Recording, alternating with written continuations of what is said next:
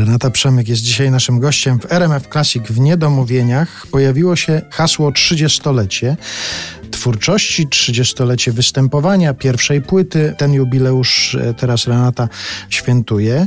Kiedy się mówi 1989-90 rok, to właściwie wszyscy w naszym kraju mniej więcej wiedzą, co się wtedy wydarzyło, bo to był, był przełom. Przełom, jeżeli chodzi o to, w jakim kraju żyjemy, w jakim systemie żyjemy. A czy ty wtedy, czy właśnie Mój przełom wtedy... zbiegł się z innymi przełomami. Tak, ale czy ten taki przełom dotyczący naszego kraju, systemu, w którym żyjemy, też dotyczył jakoś ciebie na tym etapie życia? Mówię o, o twórczości. Czy ty z tym swoim śpiewaniem, z wejściem na scenę właśnie uciekałaś od tego, co się dzieje wokół i chciałaś sobie stworzyć swój świat? Czy na przykład tobie się zdarzyło jeszcze występować, musiałaś mieć stempel cenzury? No właśnie o tym chciałam powiedzieć. Mhm. Robiłam ostatnio porządek w dokumentach i odnalazłam właśnie taki dokument ze stemplem, że mam pozwolenie na śpiewanie w 88 roku niektórych piosenek Karela Kryla, takiego czeskiego, dość kontrowersyjnego poety śpiewaka.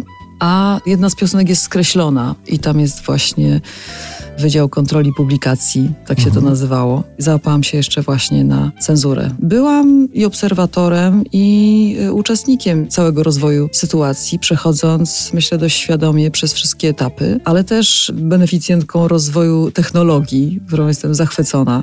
Pierwsze płyty były nagrywane na szerokich taśmach, pierwsza kompletnie analogowo bez możliwości żadnych tam korektyw, wklejek. Tak, to mistrzowie świata robili to po prostu na, z palca, tam kilku było, na te takie wielkie stoły e, realizatorskie. Potem kolejne ucyfrowienie, ale też właśnie obserwowanie, jak się zmienia świat wokół mnie co wolno, czego nie wolno, jak się rozbuchał nasz młody kapitalizm, również w tej dziedzinie naszej e, muzycznej, wolny rynek.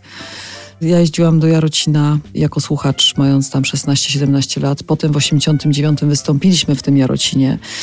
Tam był kolor. Tam był kolor, tam można było głośno krzyczeć, co się myśli. Można było też oberwać, ale tak zwyczajnie. Tak od serca. Tak. Od serca po ludzku.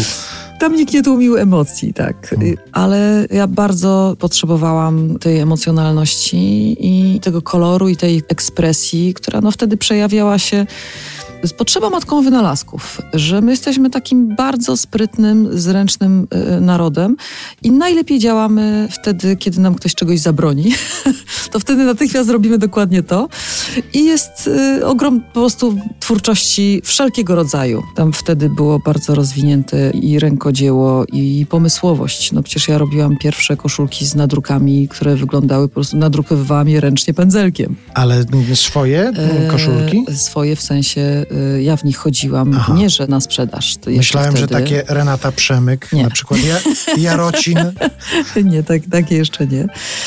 Jedno z takich cudownych wspomnień z Jarocina, był tam przy hotelu Jarota był basen taki, do którego wpuszczali tych uczestników festiwalu. Ale nie wszystkich naraz. E, no nie wszystkich naraz. Natomiast, kto pamięta ten Jarocin, to jakby ma przed oczami właśnie kolorową młodzież. Ten kolor był czasem na ciele, czasem w, na ciuchach, czasem na głowie.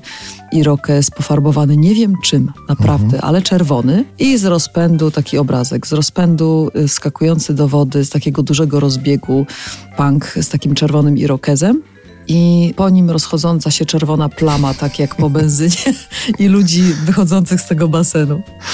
No, no po prostu tak pamiętam y, wolność w, w tamtych czasach.